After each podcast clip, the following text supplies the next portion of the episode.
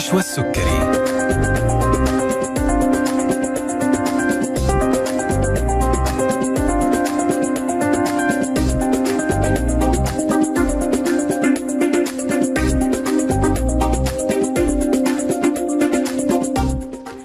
بسم الله الرحمن الرحيم. السلام عليكم ورحمة الله تعالى وبركاته. تحية طيبة لكم مستمعينا مستمعي ألف ألف أف أم الموجة السعودية. وأهلا وسهلا فيكم في حلقة جديدة من طبابة. معكم أنا نشوى السكري لمدة ساعة ابتداء من الآن وإلى الساعة 2 بعد الظهر في حوار طبي مباشر عبر أثير إذاعتنا ألف ألف أف أم. برنامج طبابة أعزائي المستمعين مثل ما تعودنا هو برنامج تفاعلي طبي بيعرض مواضيع صحية مختلفة بنتكلم فيه عن طرق الوقاية من الأمراض مع عدد من الأطباء الاستشاريين والأخصائيين في المجالات الطبية المختلفة اللي بيشاركونا دائما أبرز المستجدات في عالم الطب والرعاية الصحية.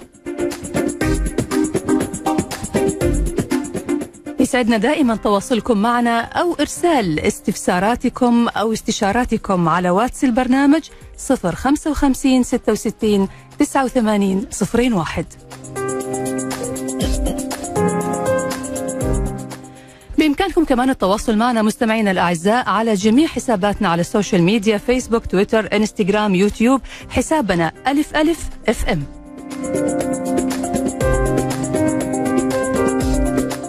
حاب انه يتابع الحلقة من بدايتها أو يرسلها لأحد يحب يشوف الموضوع اللي ناقشناه فيها اليوم ويستمع إليه، الحلقة هتكون متاحة بإذن الله تعالى خلال 24 ساعة على اليوتيوب على حسابنا ألف ألف أف إم.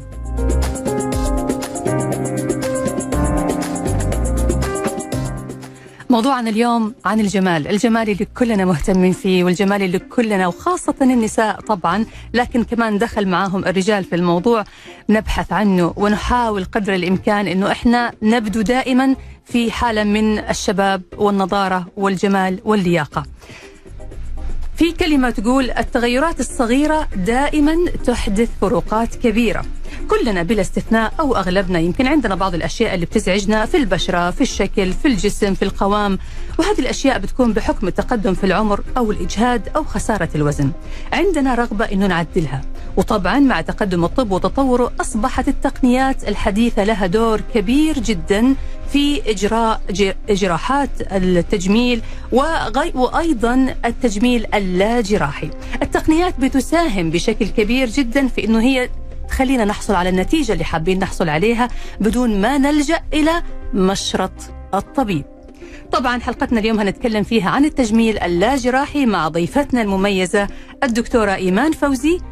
الدكتورة إيمان فوزي عمير أخصائية الجلدية والتجميل والليزر واستشاري الجلدية بمصر ومدرب خيوط الشد اللاجراحي بالشرق الأوسط وأيضا مدرب حقن الفيلر بالوجه والجسم.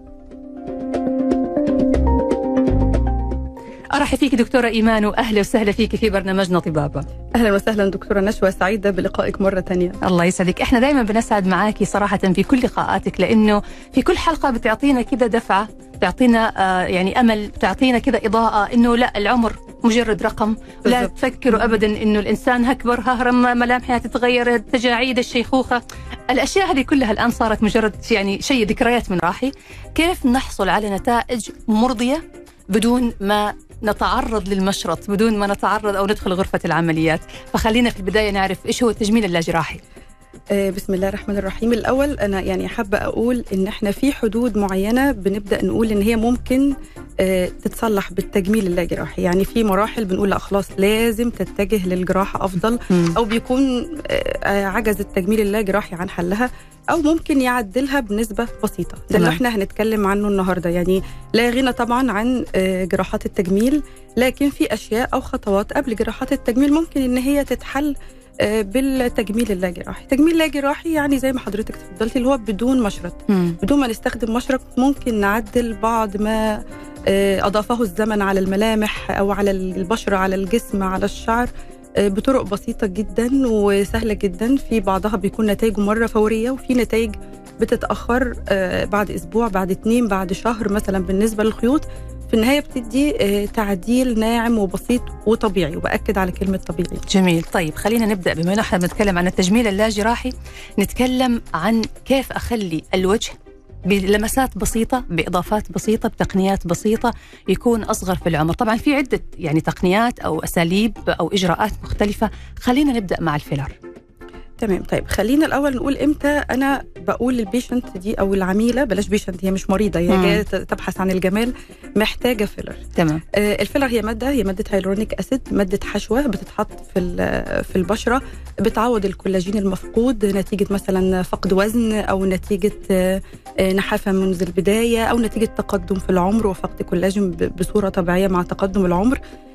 بنحط الفيلر إمتى لما بتكون ال- العميلة محتاجة مم. بمعنى آه، أنا وشي مثلا نزل مم. نزل يبقى أنا بحط فيلر عشان يرفعه آه، شفايفها بسيطة وخط لأ بحط لها شوية تعديل للشفايف بحيث تبان بصورة طبيعية مم. أنا دايما بقول إن التجميل بصفة عامة اللي هو اللاجراحي جراحي آه، إذا تم اكتشافه إذا هو آه، غير ناجح. مم. يعني بمعنى لو واحدة شافت مثلا واحدة عاملة تجميل في في مكان ما وقالت لها إيه ده ده أنت عاملة فيلر في في خدودك أنت عاملة في شفايفك. صح. إذا إذا هو كده غير ناجح. صح. المفروض إن هو بيعوض المفقود عشان يبان في النهاية الطبيعي. مم. مش المفروض إن هو يبان زيادة. صحيح. من أسباب كمان ال- ال- ال- الزيادة أو الحقن الزيادة من مشاكله إن هو ممكن يعمل بعدين ترهل في الجلد.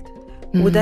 الحقن الزائد في الفيلر يعني اللي آه، بيبالغوا طبعاً. في وضع الفيلر هذا طبعاً. ممكن يعمل الجلد مشاكل الجلد مليان إلاستين ومليان كولاجين ومل- ومليان يعني مواد بتخلي الجلد آه، بطبيعة الحال قابل إن هو يحصل له مط زي. البالون دايما بنقول لو البالون أنا مليتها بال- بالوضع الطبيعي بتاعها مم. ورجعت فضيت الهواء منها بتكون طبيعية ال- ال- القوام بتاعها. لكن لو أنا شديتها زيادة عن اللازم تترهل. ورجعت فضيت بالظبط تروح الوش بنفس الطريقة. مم. فدايما آه، وزن normal في حدود الطبيعي ما بيسببش مشاكل. الترهل ده السؤال دايما بتسأله على الحقن. الفيلر. وطبعا مادة الفيلر اللي هي ال hyaluronic acid مادة مرة طبيعية وما بتعملش أي مشاكل لانها موجودة في جسمنا بطريقة مم. طبيعية بصورة مم. طبيعية هل دكتورة ممكن نحقن أكثر من نوع في في الوجه من نوع فيلر يعني لأنه في شركات كثيره وأنواع كثير هي في النهاية كله بيكون hyaluronic acid مم. وإن كان مؤخرا في حاجة اسمها hybrid filler اللي هو دمج فيلر الهيلورونيك آه، مع فيلر الكالسيوم دي أحدث حاجة مم. آه، ففي النهاية كله hyaluronic acid فما فيش مشكلة ابدا إن أنا آه، أحقنهم مع بعض ما فيش أي مشكلة نهائيا نفس المادة في النهاية مهم. طيب ليش دكتور أحيانا بيصير في تليفات وكيف بتتعاملوا معها لو صار في تليفات من الفيلر؟ لا هو الفيلر اللي بسبب تليفات ده الفيلر الدائم. دائم. يعني ما فيش record حاجة. آه كان كمان مش مش مش في العيادات عادة بيكون في أماكن غير مصرح لها أو صوالين أو أشخاص غير مصرح لهم وده تقريبا ما بقاش موجود.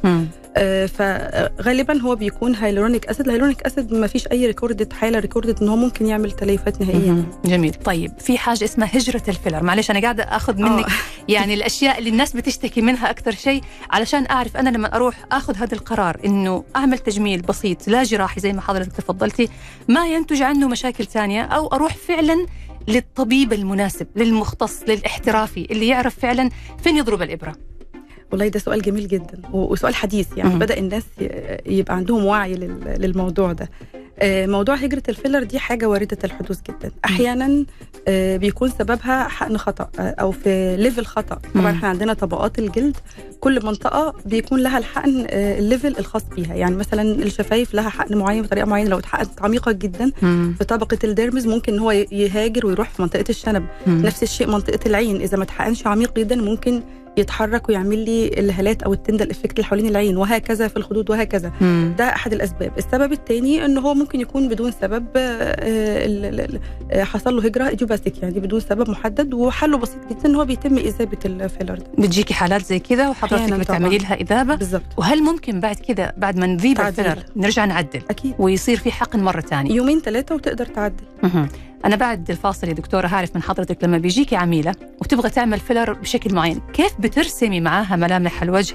كيف بتتفقوا على التكنيك اللي بتمشوا عليه علشان تكون النتيجة مرضية لها؟ ممكن تكون هي ما كانت تبغى كذا كانت تبغى شيء ثاني بس حضرتك تقولي لها لا أنا عارفة إيش اللي راح يناسبك. هنتكلم عن هذا الموضوع تمام. بعد الفاصل لازلنا نستقبل أسئلتكم على واتس البرنامج 055 66 89 صفرين واحد معانا الدكتورة إيمان فوزي أخصائية الجلدية والتجميل والليزر واستشارية الجلدية بمصر. فاصل وراجعين.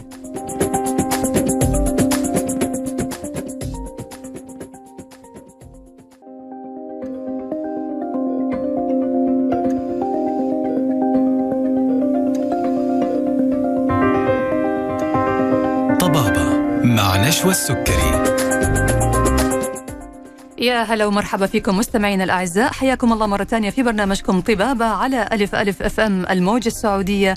ومع ضيفتنا اليوم الدكتورة إيمان فوزي عميره أخصائية الجلدية والتجميل والليزر بعيادات جويل واستشاري الجلدية بمصر ومدرب خيوط الشد اللاجراحي بالشرق الأوسط ومدرب حقن الفيلر بالوجه والجسم. حياك الله دكتورة إيمان. أهلا وسهلا فيك مرة ثانية. أهلا وسهلا دكتورة نشوى طبعا مستمعينا لازلنا نستقبل أسئلتكم على واتس البرنامج 055 66 89 صفرين واحد.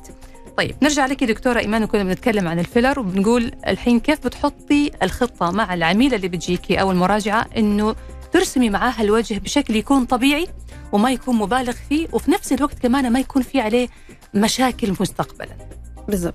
آه، طبعا أنا بدخل نوعين من العملاء عميلة مثلا قديمة أو عاملة قبل كده عندي أو كده وفي عميلة بتكون مثلا أول مرة تعمل آه، عندي أو أول مرة تعمل خالص فيلر آه، فأول حاجة مثلا بتقول لي يا دكتورة شوفي لي أنا إيش أحتاج. هي دي الجملة اللي أنا دايما بصراحة بحب أسمعها وأي دكتور تجميل هتلاقيه بيحب يسمعها. دكتورة شوفيني إيش أحتاج. آه لأن عادة تدخل مثلا البيشنت تقول لي إيه دكتورة أنا عايزة أعمل آه فك. أقول لها لا طب استني انت عندك الخد مرة طايح لازم ترفعي خدك الأول بعدين تشوفي مستوى الفك ممكن مم. يتحسن لحاله مم. ممكن يحتاج يتعدل في بتقتنع وفي ما بتقتنعش بس في النهاية في النهاية اللي بتسمع ال ال الكلام يعني دي بتكون أفضل في, في النتائج على بنسبة كبيرة جدا مم. آه، في حين إن مثلا اللي خلاص صممت على رأيي أنا بعملها اللي هي عايزاه لأن في النهاية ده وشها وده حاجة تجميلية بعكس الحالات اللي هي المرضية أو كده لا ببقى واحد زائد واحد يساوي اثنين لازم تسمع الكلام لكن الحالات التجميلية دايما بنكون في بينا آه، نقاش أو خطة بنقولها مع بعض. مم. آه، إحنا بنمسك الوجه الأول بنسميه حاجة اسمها الأولويات. الأولويات اللي هي آه، آه، أول حاجة تقع عليها العين وتحس بحاجة مش طبيعية. يعني أول ما بصيت لها لقيت تحت العين في حفرة فكلمها عن فيلر تحت العين. آه، أول حاجة جت عليها عيني لا إن وشها طايح في خطوط في في تج... حاولي ترفعي الخدود. أول حاجة على عيني هي شفايف مثلا مترهلة. لا خلينا نرسم الشفايف. آه النسبة ما بين بروز الأنف مع بروز الشفايف مع بروز الدقن. الخط ده لازم يكون خط مستقيم. مم. ده من الحاجات الجمالية. ما ينفعش أكون فكي عريض وخدودي آه نحيفة. آه آه برضو العظمتين اللي هم جنب العين اللي هم ال temples دول لما بيبقوا نحاف جدا بيبينوا الوش طويل ونحيف. مم. دول برضو بيتحط فيهم. فأنا بمسك الوش أولويات. وبنمشي على الخطة. آه إذا هي جاهزة للكل لكل حاجة فبنبدأ من فوق لتحت منطقة الجبهة بنعمل لها بوتكس الأول. بعد كده بنشوف ال temples بنشوف تحت العين بنشوف الخدود. آه نزولا لمنطقه تحت الخد وبعدين منطقة الفك منطقة الشفايف. الرقبة برضو لها فيلر آه نبص لإيديها لو محتاجة فيلر بعد كده ببص الجسم دي مم. أولويات الوش اللي هو من فوق لتحت. مم.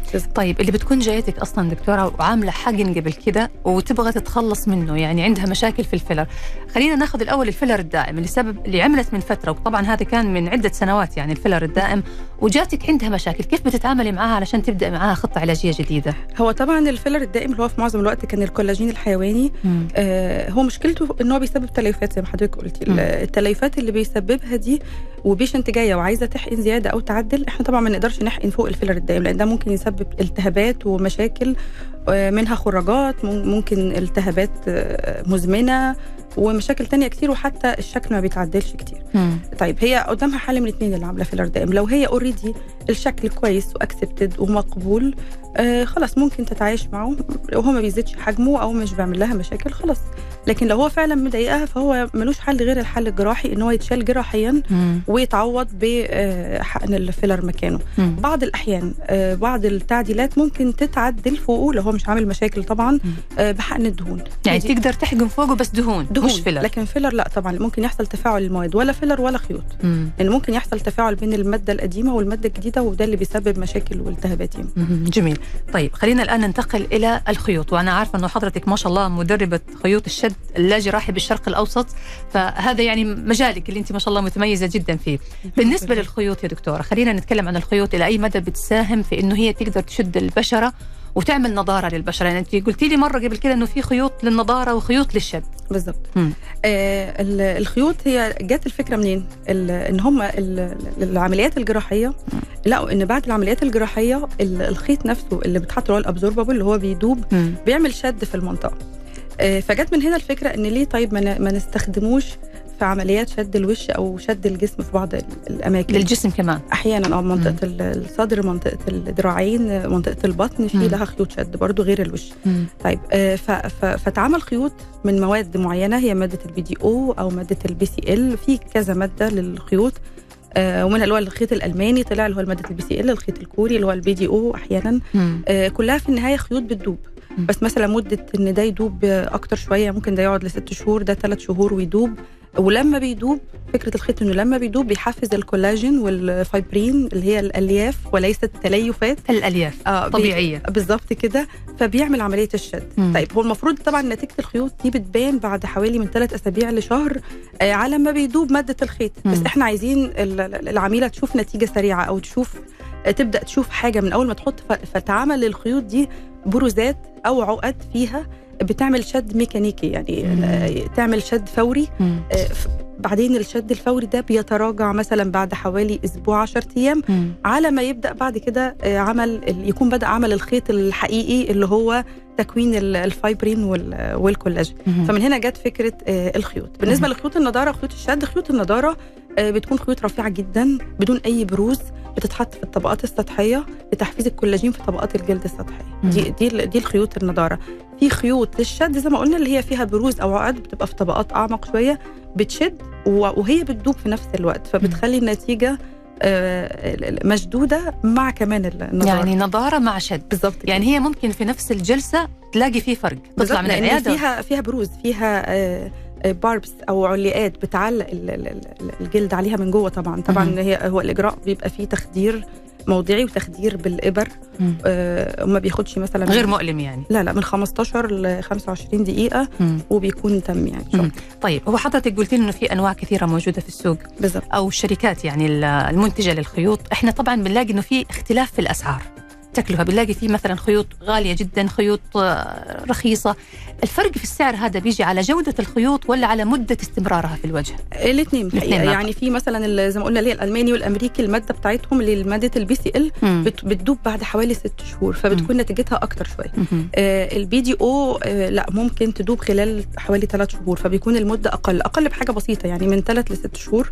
آه، هي الخيوط اللي أنا بدرب لها هي PDO بال- بالمناسبة. آه، أنا بشوف منها في البداية نتيجة أكبر. مم. يعني نتيجة أكبر لأن ال barbs بتاعها بتكون أكبر وسماكتها أكبر. مم. فممكن تلاقي بيها نتيجة أسرع أسرع. بس ممكن مدة شوية أقل. الثانية ممكن نتيجة أقل لكن ممكن تقعد مدة أطول. فحسب طبعاً. اختيار أيوه حسب. انت إيش تبغي. بالظبط مش بس إيش تبغي إيش. محتاجة. يعني أنا مثلا عندي آه واحدة مش عايزة كتير شد بس عايزة تحافظ على ال quality بتاعه ال- الجلد والنزول مرة بسيط لا تعمل الخيوط اللي هي نتيجتها بسيطة لكن تقعد مدة أطول تجلس معاها بالظبط لكن. لا عندها نزول مرة قوي ال- الجلد سميك يفضل طبعا تعمل ال PDO لأن شدتها بتكون قوية وبتكون نتيجتها كمان مهم. لكن النتيجة النهائية أو شبه النهائية تظهر بعد كم يا دكتورة؟ أربع خمس أسابيع تقريبا أربع خمس أسابيع وتستمر معي تقريبا ست شهور أو على حسب نوع الخيوط حوالي من 8 شهور لسنة ونص حسب نوع الخيط وسمكته ما هو برضو مم. حتى الكوري درجات كتير. أيوة أيوة, أيوة. حسب سماكة الخيط حسب آه، آه، المحيط البروز موجود 4 دي 6 دي على يعني عدد ال- ال- البروز كل ده عوامل كتير بت- بتأثر على النتيجة تخليها مختلفة من نوع للتاني يعني اختيار الخيوط بيعتمد على الدكتور أو بيعتمد على حضرتك أنت بتشوفي ال- الجلد مرونة الجلد نسبة الشد نسبة الترهل اللي فيه كم وبناء عليه بتقرري نوع الخيوط اللي يتم استخدامها بالظبط وفي كمان مقاسات مختلفة يعني الأنف له مقاس الحواجب لها مقاس الوش له مقاس منطقة اللغلوغ لها خيوط مختلفة خالص. مقاسها 50 مم. سم. التكنيك كمان بتاع الحقن بيختلف كمان من دكتور للتاني في مين عم عمل آه مشاكل أقل أو شكل يعني ما يب- ما يبقاش في dimples ما يبقاش في عقد باينة ما يبقاش في حاجة باينة اللي هو نظافه. السيشن ده بيختلف يعني كمان يعني اختيار النوع النوع الصح الخيط. آه، اختيار الدكتور يكون عنده خبرة في الشد بالخيوط ده بيبعد عن أي مشاكل. يعني وخاصة الناس اللي كانت بتقول فيه ممكن تليفات تحصل من الخيوط أو زي كده ده كلام غير صحيح تماما يعني.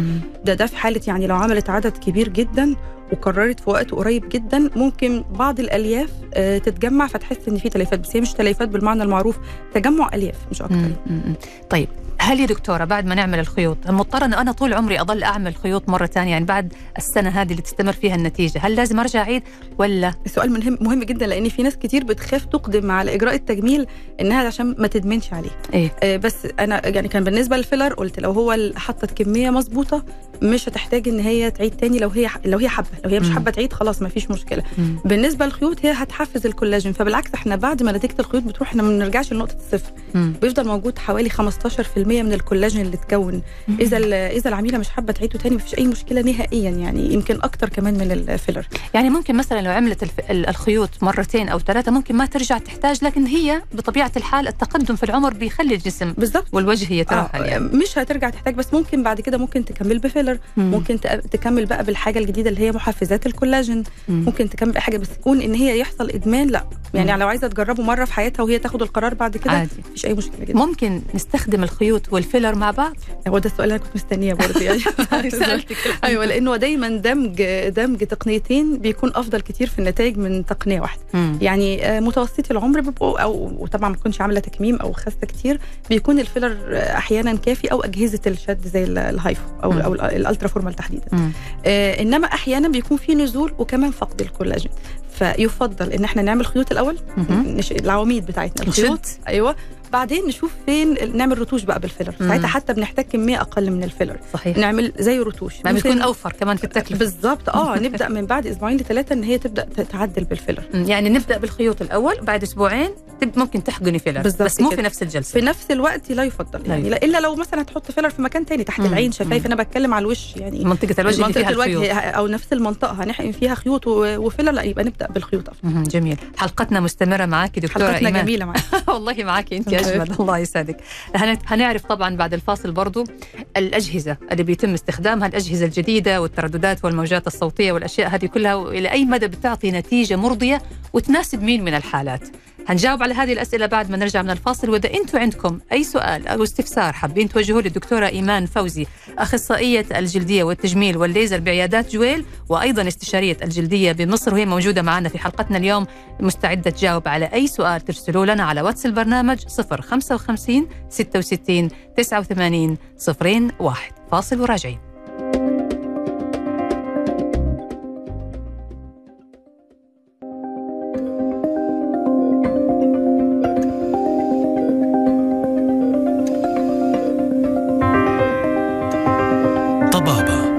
نشوى السكري. ورجعنا لكم مرة ثانية مستمعينا الأعزاء في برنامجكم طبابة على ألف ألف أف أم. ومع ضيفتنا اليوم الدكتورة إيمان فوزي عميرة أخصائية الجلدية والتجميل والليزر بعيادات جويل وموضوعنا اليوم عن التجميل اللاجراحي. تجميل بدون مشرط الطبيب تجميل بسيط بتقنيات متطورة جدا وباستخدام الأجهزة الحديثة اللي بتعطينا نتيجة مرضية في النهاية. وبإذن الله تعالى برضو تكون نتيجة جميلة وتحسسنا أنه إحنا ما نحتاج أنه ندخل في إجراءات أعمق إلا بعد فترة معينة يعني. أرحب فيك دكتورة إيمان مرة ثانية وأهلا وسهلا فيك. أهلا وسهلا بك يا دكتور. لا زلنا نستقبل أسئلتكم مستمعينا الأعزاء على واتس البرنامج 055 66 89 صفرين واحد. ولا زال حوارنا مع الدكتورة إيمان مستمر. وأنا كنت هسألك يا دكتورة إيمان يعني ما شاء الله تبارك الله عليك. سؤال مفاجأة قلتي. أيوه بقول لك. من جد يعني أنت جايتنا اليوم ما أنت حاطة على وجهك أي نقطة مكياج. يعني انت جمالك ما شاء الله تبارك الله طبيعي انت كيف محافظة على بشرتك بهذه النظارة ما شاء الله أنا ما أحسدك ما شاء الله عينيك. الله يسلمك آه، هو الحقيقة دايما أنا بتبع برضو آه، يعني قاعدة إن الوقاية خير من العلاج مم. زي يعني أنا بلاحظ إن معظم مشاكل البشرة اللي بيجي بيها البنات مم. بنات صغار قبل الكبار كمان ال make up الزائد بدون داعي. أيوه صح. يعني ممكن تكون طالعة الصبح تحط make up. مم. ال tutorial اللي بيعملوه كل تجربات ال make تجارب ال make up وكده المواد دي كلها مواد كيميائيه يعني. إحنا بنقول لو عندنا مناسبة بنحطه أول ما نرجع لازم الميك اب ريموفال ون- وننظف كويس ونشيل. مم. فدي أول حاجة. يعني أول حاجة ال make up ال make up الزائد. ال make up بيتحط في وقت ما نكون محتاجينه. مم. لأنه ممكن يسبب لي انسداد في في المسام ويطلع لي حبوب. آه، ظهور خطوط التجاعيد آه، يعني بصورة أسرع طبعا آه، آه، تبان علامات تقدم العمر والإرهاق على. البشره دي. أول حاجة تاني حاجة روتين العناية اليومي مم. إحنا بنتكلم في روتين أنا يعني من من سن صغير جدا لازم ال- ال- البنات تبدأ روتين يعني أنا من سن المدرسة ببدأ أنصح بواقي الشمس مم. الشمس يا بنات لازم واقي الشمس مدرسة صغيرين يعني البنات teenagers يعني مم. طيب دخلنا في ال 16 17 يبدأ يطلع لهم حب شباب فلازم لهم عناية مختلفة مم. تبدأ بالغسول ال toners ال- كريمات الليل حاجات تناسب عمرهم مم. المرحله العمرية اللي هي من العشرينات للثلاثينات لها آه، حاجة معينة برضو بنبدأ ندخل بال hyaluronic acid في العناية اليومية عشان يحافظ على يجدد. البشرة ويجدد الخلايا والترطيب علشان ما يبدأش يبان عليهم أي علامات في تقدم العمر مم. آه نبدأ بعد كده بقى من ال 30 لل 40 آه دول بيبقى لهم إيه نزود شوية بنكثف ممكن ندخل الريتينول مثلا مواد معينة ندخلها.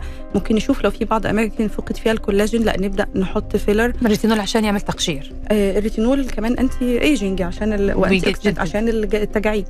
آه نبدأ بقى نشوف لو في جزء من الكولاجين فقد نبدأ ندخل بال filler في ناس. تقول لك لا أنا ما بحبش ال filler لا خلاص يبقى في حاجة تانية اسمها محفزات الكولاجين مم. اللي هي إبر الكالسيوم أو إبر الخيوط المذابة مم. دي مواد بتتحط في البشرة بتعوض ال ال ال ال ال ال عندنا إحنا دلوقتي مع تقدم العمر شوية بتقل مصنع الكولاجين بتاع الجلد صح. بيقل شوية مم. فإحنا بنعوض المصنع ده بان إحنا بنديله محفزات خارجية اللي هي حقن إبر محفزات الكولاجين مم. دي بتحفز الكولاجين طبيعي بدون أي تعبئة مم. بس تعوض اللي فات وهكذا كل مرحلة لها عناية من الكريمات وعناية من دكتور التج... عند دكتور ال- مم. للتجميل. بالظبط جميل. إذا الوقاية خير من لا العلاج وعدم الإهمال يعني ظهرت مشكلة تحل فورا ما, تت... أيوة. ما تتأجلش. آه التأجيل هذا مشكلة يا دكتور.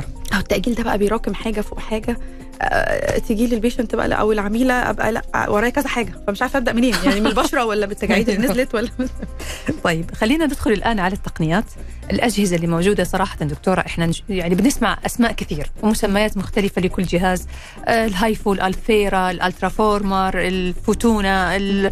هي إيش الأجهزة هذه وإلى أي مدى بت... بتنفع معانا في إنه تحافظ على النضارة أو تصغر ال... ال- الشد يعني الوجه يعني؟ طيب هو طبعا الأجهزة اللي موجودة في الساحة تقريبا دلوقتي للشد بما إننا بنتكلم عن الشد آه، تقنية ال ultrasound اللي هي تحتها بيكون الالثيرا موجاته شوية أقوى ويليه الالترا فورمر مم. كلهم بتقنية اسمها تقنية ال HIFU. ال HIFU اللي هي ال intensive ultrasound أو الموجات الصوتية ال- القوية. طيب في شد بالفوتونا الفوتونا غير إنه جهاز إزالة شعر وجهاز تفتيح وتقشير هو كمان ك- جهاز تحفيز كولاجين. برضو بيحفز الكولاجين آه، وبيعوض المفقود من يعني ال- ثلاثة مع البشره بعض آه آه، بس طب آه، فكرة عمله إيه فكرة عمل الأجهزة دي إيه الالترا فورمر وزي ما قلنا الالترا فورمر أو الالثيرا اللي هي أجهزة ال ultrasound. بتكسر ال collagen بال ultrasound. تكسير الكولاجين ده بيحفز تكوين كولاجين جديد كولاجين آه. جديد أكثر حيوية بيشد البشرة عشان كده دايما نقول إن النتيجة الفعليه بتبقى بعد حوالي برضو شهر مم. بالنسبة للفوتونا برضو بيكسر الكولاجين بس بتكسير حراري بالليزر مم. مم. التكسير الحراري بالليزر ده برضو بيعوض بيخلي الكولاجين يعمل new collagen collagen جديد يشد البشره يعني ما في نتيجة بس فوريه طبعا هنا. ال ultrasound في الشد أقوى من ال- التكسير ال- ال- الحراري للبشره. آه، في أجهزة بقى زي أجهزة السكارلت أو المورفيوس أو أجهزة ال micro needling اللي هي الإبر مم. دي بيكون في إبر مع الجهاز آه، بت بت بتاع- بتحفز الكولاجين بطريقة ال micro needling أو الحفر البسيطة في في البشرة مع طبعا ال radio frequency. فطبعا اختيار الجهاز له كذا عامل.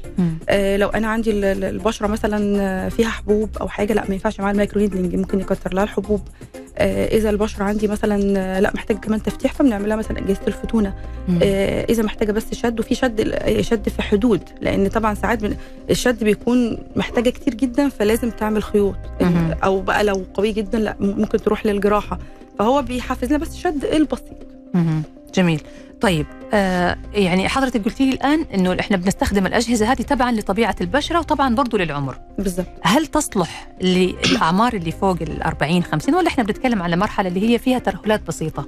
هي بالنسبة للمرحلة اللي فيها ترهلات بسيطة أو الصغيرة في العمر يعني مثلا من سن مثلا 30 40 30 بيكون هو حل أمثل. لو هي ما عندهاش مشكلة زي ما قلنا إنها خاسة جامد فاقده كولاجين كتير. مم. وبالنسبة للعمر الكبير برضو هت هت هتحفز لها جزء هتحسن لها. مم. يعني هتحسن لها من 10 ل 30% في ناس ممكن ترفض تماما خيوط ترفض جراحة. فليه؟ لا ان هي تعمل مش هتوصل للمثالي اللي هي عايزاه بس هت هتمشي خطوة لقدام يعني هتتحسن جزء. كم جلسة ممكن تحتاج العميله يا دكتور؟ طبعا زي ما قلنا حسب ال- الحالة. فبس أقل شيء طبعا المفروض حوالي ثلاث جلسات في السنة عشان تلاقي نتيجة كويسة ليه؟ لأن إحنا بنقول الجلسة بتحسن 30% من الكولاجين. اذا لو عملنا ثلاث جلسات هنغطي تقريبا 90% بس في النهايه إحنا بنوصل ل 70% 70% عشان ما نحطش توقعات برضو. طيب حضرتك قلت لي في غير ال- الموجات الصوتية والترددات والأشياء هذه في اللي هي الإبر زي الديرما بن والأشياء اللي فيها استخدامات بتحفز الكولاجين برضه وإحنا مثلا قلنا في أجهزة فيها micro needling فيها إبر مم. مع radio frequency مم. طب في أس... في أجهزة تانية بقى اللي هو ال derma pen إبر بس مم. فطبعا أكيد نتيجته هتبقى شوية أقل بس بيحقنوا معاه مواد وبنحط مواد آه مم. حتى الأجهزة ال micro needling برضو بيتحط بعدها مواد مم. آه، المواد دي آه، إحنا حتى لو ما حطيناش مادة عملنا ال micro needling بدون مواد هو بيحفز الكولاجين بس طب ليه لأ لما بعد ما عملت حفر في البشرة فرصة بدون ما أحقن إبر آه، هحط مادة هيستفيد منها الطبقات الخارجية من البشرة أحيانا تكون hyaluronic acid لو أنا محتاجة ترطيب ممكن أحط مواد تفتيح لو في تصبغات.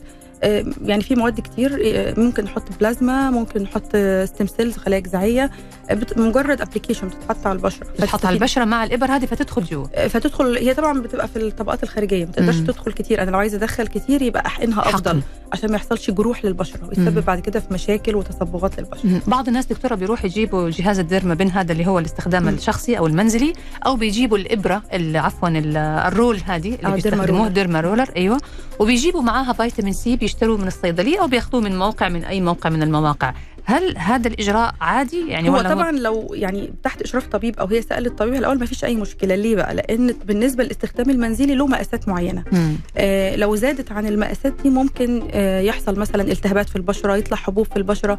يشوفها الدكتور الأول يحدد إذا هي ينفع لها ال microneedling أو الإبر دي ولا لأ. مم. ويحدد لها مقاس ال roller أو مقاس ال- ال derma pen اللي هي المفروض تستخدمه عشان كان ما يحصلش infection أيوه. يعلمها الطريقة إزاي تعقم قبل وبعد.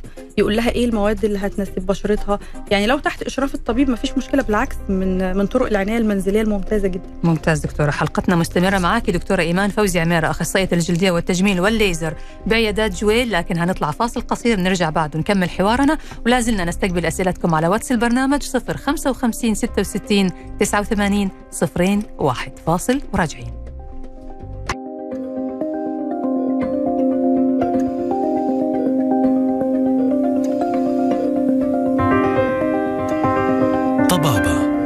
مع نشوى السكري. ويا هلا ومرحبا فيكم مستمعينا. حياكم الله وأهلا وسهلا فيكم مرة ثانية في برنامج طبابة. وصلنا للجزء الأخير من حلقتنا اللي بي آه يعني نستقبل فيه أو بنعرض فيه أسئلتكم على ضيفة الحلقة الدكتورة إيمان فوزي عميرة أخصائية الجلدية والتجميل والليزر بعيادات جويل. بحييكي مرة ثانية دكتورة إيمان. أهلا بيك حبيبي. طيب إحنا قبل ما ناخذ أسئلة المستمعين دكتورة خلينا بس نتكلم عن ال fractional laser إحنا تكلمنا عن الأجهزة اللي فيها الموجات الصوتية والترددات وال... والإبر. الشد، أجهزة طبعاً. الشد. بالنسبة لأجهزة الليزر خلينا ناخذ ال fractional laser طيب ال- ال fractional والكربوني هو اللي ما يخلاش عيادة منهم يعني مم. هو ال fractional laser وال carbon laser ال fractional laser اللي هو ال CO2 laser آه هو ده أقوى جهاز ليزر ليزر لأن ال chromophore بتاعه أو الهدف بتاعه ال water فده مم. بيشتغل على الأنسجة نفسها مم. آه لما يكون في عندنا حفر بعد حب شباب أو عندنا مسام واسعة آه بيكون ال- ال- الخيار الأول هو جهاز ال fractional لأن جهاز ال fractional آه بيعمل حفر في في الجلد خارجية الحفر دي حفر طبعا منتظمة أو مم. على هيئة نقاط fractional يعني مجزأ يعني مم. آه، كل جرح منها بيبدأ اللي حواليه يرد الجلد اللي حواليه السليم يردم الحفرة دي مم. فيساعد في آه، تسوية البشره والأجهزة الحديثة لل fractional بيكون معاها كمان RF اللي هو radio frequency فكمان بتحفز الكولاجين. آه، فده الخيار الأول اللي كمان للعلاج الندبات مم. الندبات وآثار الجروح لأنه بيعمل نفس الفكرة بيعمل جروح جديدة بت... آه، ما بيحصل لها التئام بت... بت... بتح... بتعمل التئام للجلد وإعادة تهيئة وبناء لخلايا الجلد مم. آه كمان في الليزر الكربوني ده بيسموه ليزر النضارة ده آه يعني دايما أنا يعني له جزء علاجي وجزء نضاره جزء. النضارة بتاعه إن هو ممكن بيعمل تشقير للبشرة تفتيح خفيف آه بيقعد فترة بسيطة مناسب جدا لل- للمناسبات اللي هي الجلسة السطحية. آه في أجزاء منه علاجية اللي هي أجزاء لأن طبعا ده هدفه تصبغات أو ال chromophore بتاعه أو هدفه التصبغات فممكن النمش السطحي مع تكرار الجلسات ممكن يعالج الكلف العميق. آه ممكن كمان يشيل التاتو. آه، في طبعا بقى جزء إزالة الشعر بس دي عايزة طبعا هناخذ لها حلقة ثانية. دي يا دكتورة أيوه لكن ال fractional دكتورة بيتحدد يعني درجة قوة ال- الموجة نفسها أو الشعاع نفسه بناء على إيش؟ آه، سؤال جميل جدا يعني متعمق جدا في الجهاز طبعا الجهاز أنا بقدر أتحكم في بعد النقاط عن بعضها. وعمق النقاط وقوتها. حسب آه، طبعا عندي حفر كبيرة بختار عمق كبير آه، والنقاط شوية تكون متباعدة. طيب مسام آه، واسعة سطحية آه، النقاط تكون قريبة من بعضها الجلسة تكون سطحية جدا. آه، يعني أنا ممكن أعمل بيه جلسة نضارة سطحية ما يكونش لها أثر. لا مم. وممكن نعمل الجلسة ويكون في أثر بني بيكون عارفه ال- العميل أو البيشنت ومتعايش معه لمدة أسبوع لغاية ما يروح بس لأنه النتيجة لهذه لأنه شيء علاجي بيشوف بعديه آه، جلد بيبقى زي جلد البيبي زي ما بيقولوا يعني. مم. آه، فكل ما زادت ال- ال- ال- الحفر تزيد القوة يزيد شوية الأثر بس بعد كده النتيجة كويسة. آه، نتيجة بسيطة أو حالة بسيطة مسام بسيطة بتبقى الجلسة سطحية. و- ومفيش أثر لها كبير. يعني طب. الدكتور بيقدر يتحكم فيها بسهولة جدا يعني ممتاز إذا في أحد عمل الفراكشنال ليزر أكثر من جلسة ثلاث أو أربع جلسات وما لقي نتيجة يعني برضو لا زالت المسام واسعة لا زالت البشرة زي ما هي هي في حاجة شوية أنا دايما بأكد على تصوير الحالة آه، يصور نفسه أو الدكتور يصوره أثناء المعالجة بال fractional لأن بيحصل حاجة آه، بلاحظها جدا مم. إن, إن إحنا عندنا مساحة الحفرة زي مثلا عنده حفرة نص سنتي. وعمل لها جلسة fractional laser بيظل مساحة ال- الحفرة دي مع الجلسات الاثنين ثلاثة الأولى نفس الحجم اللي هو النص سنتي لكن عمق الحفرة بيقل يعني مم. بتكون أكثر سطحية آه. فلو هو صور كتير هيلاحظ الفرق مم. لأن من الحاجات اللي إحنا دايما بنأكد عليها إن هو آه، الاستمرار على الجلسات ليه لأن أنت بالبداية ممكن الشكل الخارجي واللي قبلك يقول لك لا أنت الحفرة زي ما هي لا الحفرة مش زي ما هي الح- الحفرة بقت سطحية أكتر لكن داخليا بقت سطحية أكتر يعني. لكن مساحتها تقريبا واحدة مم. وكمان تقنية زي ما قلنا تقنية ال- دمج التقنيات بي- بيدي نتيجة أفضل يعني أنا. دايما بفضل مع ال fractional بالتبادل أو في نفس الجلسة نعمل حقن بلازما أو خلايا جذعية يعني حاجة تبني الجلد ونعمل تقطيع الندبات الاثنين ده. الحالات الشديدة آه. آه، يعني ممكن ما بنلجأش ليه كتير بس للحالات الشديدة الحفر الشديدة اللي طالعة من حب شباب وعلاج رؤكتين طبعا علاج الرؤكتين لأنه بيعالج بسرعة الحبوب فبيسيب حفر. فأقوى من لو تعالج آه، بالبطيء بالعلاجات الثانية. آه، فده تقطيع الندبات ودمج البلازما أو الخلايا الجذعية الحاجات اللي هي بتعمل بناء لخلايا الجلد طبعا بيودي النتيجة في مكان آخر يعني. جميل طيب ناخذ الأسئلة يا دكتورة في لسه. عندنا أسئلة صراحة إحنا في طبابة بس كمان العيادة أسئلة ال- الجلسة بتركض ركض ال- سوري، ال- الحلقة. الحلقة بتركض ركض صحيح يعني. والله آه. بس يعني إحنا ممكن يعني ناخذ وعد منك تكوني معنا في حلقة إن ثانية شاء الله على ناخذ محاور ثانية طبعاً. الله يسلمك لكن عشان برضو يعني المستمعين ما يزعلوا علينا آه عندنا هذا السؤال يقول السلام عليكم ورحمة الله الله يعطيكم العافية آه سؤالي للدكتورة البقع أو النقط السوداء اللي بالوجه هل لها علاج غير الليزر؟ وشكرا. حبوب آه، السوداء. طبعا آه، الليزر هو الحل الأمثل لو هي كانت آه، بقع نمش. أو أو كلف. لكن في كريمات ممكن تكون مقشرة مفتحه مم. على المدى البعيد ممكن تجيب نتائج يعني استخدم مقشر مع مفتح مع واقي شمس مم. آه، يمشي عليها طبعا هتاخد وقت أطول كتير يعني كم تقريبا يا دكتورة حسب عمقها لو هي سطحية هتاخد مثلا ممكن من ثلاث لست شهور عميقة ممكن يقعد عليها كذا سنة مهم. وحل الليزر موجود أكيد بيوفر سريع. الوقت والمجهود طبعا آه مم. والحاجات الجديدة طالعة عشان تساعد مم. بعض الناس دكتورة بيعملوا جلسات تنظيف يروحوا عند آه، أماكن معينة يعملوا تنظيف ويشيلوا الاشياء هذه كده. مانيوالي آه. أيوه فهل هذا الإجراء تنصحي فيه هو؟ التنظيف تنظيف البشرة طبعا تنظيف عادي أو التنظيف الهيدروفيشل أيوه آه، أحيانا بيكون علاجي واحيانا بيكون تجميلي يعني لو هو في حبوب كتير أثر آه، سوري رؤوس سودا كتير ورؤوس بيضة كتير فبالعكس أنا بنصحهم قبل جلسات أو حتى بدون جلسات من فترة للتانية يعملوا التنظيف في العيادة مم. يعني في العيادة أفضل كتير ما ينظفوا في البيت أو في الصالون لأن بيكون في تعقيم وتنظيف مم. آه، فبالعكس أنا بنصحهم شهريا يعملوا جلسات التنظيف طيب انت بشرتك كويسة ومش محتاجة كتير وما فيهاش كتير رؤوس لا ممكن نخليه مرتبط بس بالمناسبات أو كده ما آه. يكونش ويكون متباعد الفترات بالعكس عشان ما نهيكش البشره كل فترة يعني. هل يا دكتوره إخراج الرؤوس السوداء هذه ممكن يترك مكانه حفر آه ما هو أفضل طبيعي إن هي المكان ده فيه آه، دهون موجودة. الراس السوداء دي راس للدهون اللي موجودة جوه اللي هي الصفراء أو بيضة بس السطح الخارجي بتاعها بس اللي بيبان نقطة سوداء. فبالعكس التنظيف ده جزء علاجي إذا أنت لازم تطلعيه. يعني. والا يكبر أكتر وأكتر. مم. بس أح أفضل شيء بقى إن بعد ما يطلع يحصل غلق للمسام. أيوه. آه لو هي بسيطة المسام ممكن في أجهزة مع أجهزة تنظيف بسيطة ممكن تعمل غلق أو تعمل جلسات ال microneedling أو ال derma pen أو ال derma roller في البيت وات. ده علشان تقفل مكانه ما يتكونش تاني. أو. ال fractional laser طبعا. تمام. طيب في سؤال كمان يا دكتوره يقول السلام عليكم. آه الأخ سعيد. يقول العمر 50 سنة أعاني من الحبوب في الرأس وفي الجسم وشديدة الألم خاصة في الجسم مع العلم أنه بشرتي دهنية حبوب مؤلمة طيب إحنا لما يجي في العمر ده هو بيشتكي من حبوب أول حاجة بسأل عليها السكر يعني مم. لو في حاجات اللي هي نقص مناعة وعلى رأسها السكر آه لازم السكر يتظبط. إذا في سكر آه طيب ال- ال- الحبوب منتشرة وموجودة في الرأس وفي وفي الجسم آه كده هي آه، في معظم الأحيان بتكون أكتر آه، فلوكلايتس أو التهاب في في منابت الشعر مم. آه، فده بيحتاج مضاد حيوي معين يعني لازم طبعا يتفحص. ويتشاف بالعين لأنه هيحتاج مضادات معينة بالفم ومضادات موضعية مم. بعد استبعاد الأسباب اللي هي نقص المناعية وعلى رأسها ال- السكر. تمام أخ سعيد برضو يعني يفضل في الحالة اللي زي هذه انك تراجع دكتور متخصص في الأمراض الجلدية أو تشرفنا طبعا عند الدكتورة إيمان على أساس إنه تعرف بالضبط إيش المشكلة اللي موجودة عندك. تعرف بعض الأشياء لازم الدكتور يشوف بعينه شكل الحبوب آه، يقدر يشخص الحالة يعني. طيب في دكتورة كمان سؤال تقول عندي هالات سوداء تحت العين نصحوني إنه أسوي الكرب... ثاني أكسيد الكربون لكن لما شفت الطريقة شفت العين كيف تتنفخ خفت منه. فهل هذا فعلا ممكن يسبب بعد كده ترهل؟ طيب هو طبعا الأول الهالات السوداء إحنا عارفين كويس إن هي ممكن تبقى بس حفرة آه، فالحفرة دي طبعا بيبان ال congestion أو بيبان ال- ال- الاحتقان العين آه، فساعتها ال- ال filler بيكون الحل الأمثل.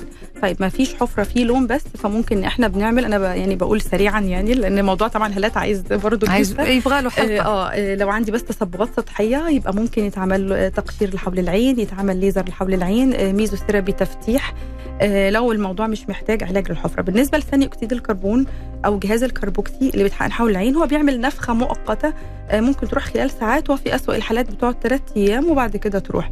آه، كنا بنستخدمه في العهد القديم. يعني في الفترة الحالية مش كتير بنستخدمه لأن هو فايدته إيه؟ إن هو بيقول للمخ إن المنطقة دي وثاني أكسيد الكربون المنطقة دي فيها نقص أكسجين لا فيها ثاني أكسيد الكربون يعني معناها فيها نقص أكسجين فالدورة الدموية آه. تتحسن في المنطقة دي. مم. فيعني ممكن بعد حوالي عشر جلسات تقريبا آه، بتتحسن ال- ال- النتيجة. مشكلته إن بيرجع تاني المخ يتعود على الوضع ونتيجته بترجع. يعني هو نتيجته مش دايما نتيجته مؤقتة. أقصى حاجة بتقعد حوالي ست شهور. فهو في العهد الحديث مش مش كتير بيستخدموه زي زمان يعني. مم. تمام. طيب دكتورة في سؤال يقول خلينا ناخذه آه تقول عندي تشققات في منطقة الصدر وفي منطقة الأفخاذ. آه هل ممكن الفراكشنال ليزر يزيلها؟ آه طيب خلينا نقول برضو التشققات في تشققات بيضة مم. وتشققات آه حمراء. الحمراء لسه حديثة لسه ال actin وال myosin ما, ما انفصلوش عن بعض تماما فممكن إن معالجتها اللي هي الحمراء تشققات الحمراء ممكن معالجتها ال fractional laser أحد الأسباب طبعا اللي بتعالجها أحد التقنيات اللي بتعالجها. ويا ريت كمان زي ما قلنا لو ندمج معاه حقن البلازما أو الميزوثيرابي آه التشققات البيضاء صعب جدا علاجها بس ممكن تتحسن بال fractional laser ممكن برضه يعطي نتيجة. 30 40% maximum. طيب. آه آخر سؤال يا دكتور هناخذه لأنه خلاص الوقت أنا عارفة المخرج يقول لي خلاص. تقول آه سويت filler تحت العين لكن بعد فترة حسيت إنه في عين مختلفة عن العين الثانية. الكلام هذا مو بعد ال- الحقن مباشرة الكلام هذا له الآن حوالي ست شهور. فإيش الحل؟ آه، طبعا الفيلر زي ما قلنا مادة حشو نقدر في أي وقت نزود أو ننقص فيها نزود بحقن إضافي أو ننقص بحقن الهايلورونيديز آه، فما فيش أي مشكلة. تقدر تحقن. تقدر تحقن أو وتقدر تشيل لو عايزة تنقص واحدة okay لو عايزة تزود واحدة ما فيش أي مشكلة نهائيه. جميل. أنا بشكرك. جزيل الشكر. أنا اللي فوزي جدا والله. والله. حلقة سريعة وجميلة ما حسينا بالوقت آه، معك. والله فعلا ركضت ركض الحلقة الله يسعدك دكتورة الوقت إيمان. الجميل دايما بيعدي شكرا بسرعة. لك شكرا. دكتورة إيمان فوزي عميرة أخصائية الجلدية والتجميل والليزر بعيادات جويل واستشارية الجلدية بمصر ومدرب خيوط الشد اللاجراحي بالشرق الأوسط وأيضا مدربة حقن الفيلر بالوجه والجسم. شكرا لوجودك معنا دكتورة إيمان. شكرا لك يا دكتور. شكرا لك. الشكر موصول لكم أنتم أيضا مستمعينا الأعزاء. نلقاكم على خير إن شاء الله تعالى في حلقة الغد. حلقة جديدة وضيف جديد في برنامجكم طبابة. تقبلوا تحياتي أنا نشوى السكري ومخرج هذه الحلقة عمر حسين. في حفظ الله ورعايته.